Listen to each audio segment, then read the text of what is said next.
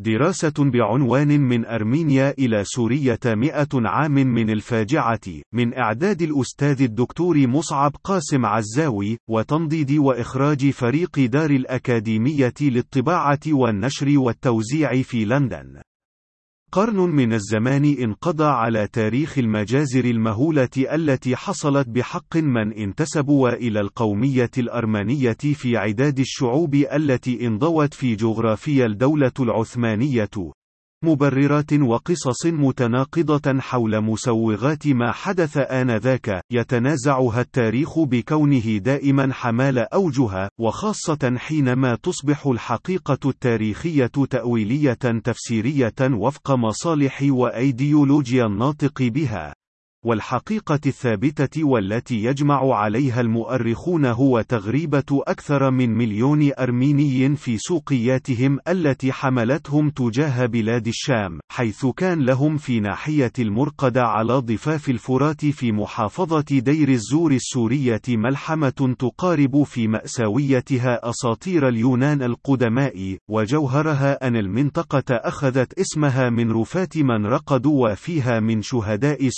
السوقيات الأرمنية، وعمقها الملحمي يتجلى في رفض أبناء وادي الفرات السوري وأهالي مدينة دير الزور التنكر لمن التجأ إليهم عملا بواجب إغاثة الملهوف الذي دأبت عليه القبائل العربية، وكان بالنسبة لأهل وادي الفرات التزاما مترفعا عن كل انتماء قومي أو ديني أو مصلحي حاضر آنذاك، حكايات وتراث شعبي شفاهي ومكتوب ببساطة يفيض في مدينة دير الزور عن حنو أهل المدينة جميعهم بفقرائهم وأغنيائهم على ضيوفهم من المرحلين عن أرضهم وتقاسمهم معهم الأكل والملجأ في وقت اعتيد على تسميته بين شيوخ المدينة بكونه سنة الجوع.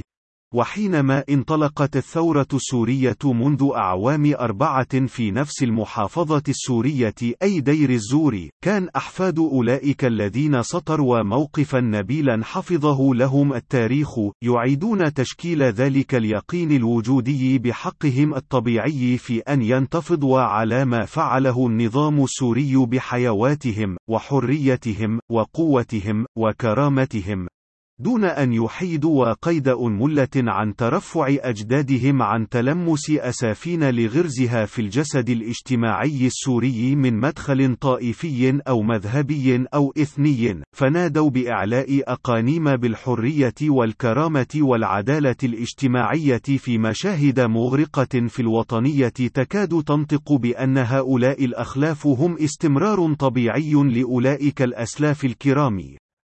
وتركت الثورة السورية لمصيرها المحتوم يتيمة من كل سند خارجي دونه لم يكن لأي من ثورات العصر الحديث أن تفضي لأي نتائج سوى اندثارها.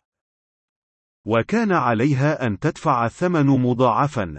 فهي ثورة على مرمى حجر من تلال الجليل الأعلى تكاد تعكر صفو الحدود الصامتة منذ تسليم الأسد الأبي هضاب الجولاني لمحتليها. وأيضا هي ثورة شعب يمثل حاجز الصد الأخير لطوفان العصبية القومية المتمذهبة الأعمى، الذي يشخصه بتزويقات متغيرة حسب واقع كل حال في متطلباته الإخراجية، من يرون واجبا إلهيا في استعادة إمبراطورية كسرى من المتوسط إلى بحر قزوين، لم يكن السوريون أبدا طائفيين أو مذهبيين أو متعصبين، هم شعب مسالم، بسيط في أحلامه، عظيم في صبره على الظلم، واستثنائي في اجتراحه ما يشبه المعجزة للبقاء على قيد الحياة في مواجهة نظام فاشي حول الوطن السوري إلى معتقل كبير، ومسرح للنهب والفساد والإفساد الذي لا حدود له، بحيث يكاد لم يبقى فيه للآباء السوريين سوى ابتلاع ألسنتهم، وأكل لحوم أبنائهم للبقاء على قيد الحياة.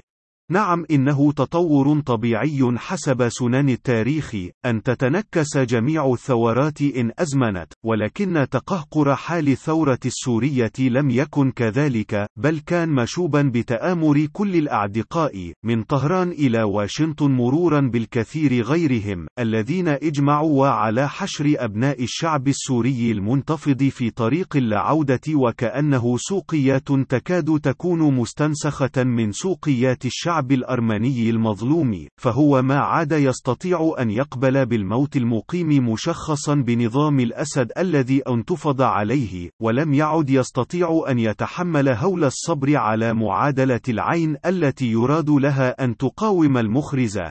فما كان له إلا أن يقبل بالخضوع ولو إلى حين بالانصياع إلى إرادات من تم تصنيعهم في سجون الاحتلال الأمريكي في العراق وشركائهم الأمنيين من سجان أقبية المخابرات السورية والذين أطلق ربيب الأحلاف المضمرة بين الأعدقاء نور المالك العنان لهم بالفرار الآمن من سجونه بالمئات في أبو غريب والتاج بإخراج هوليودين هزيل.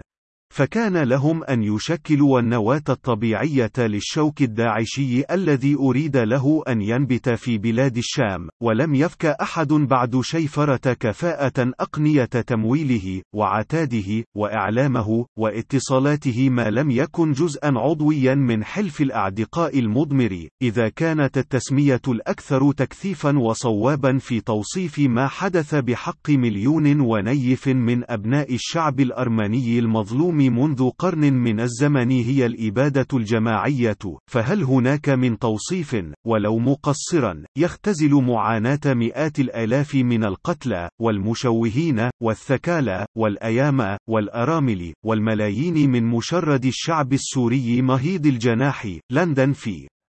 الثاني من جماد الأول 2015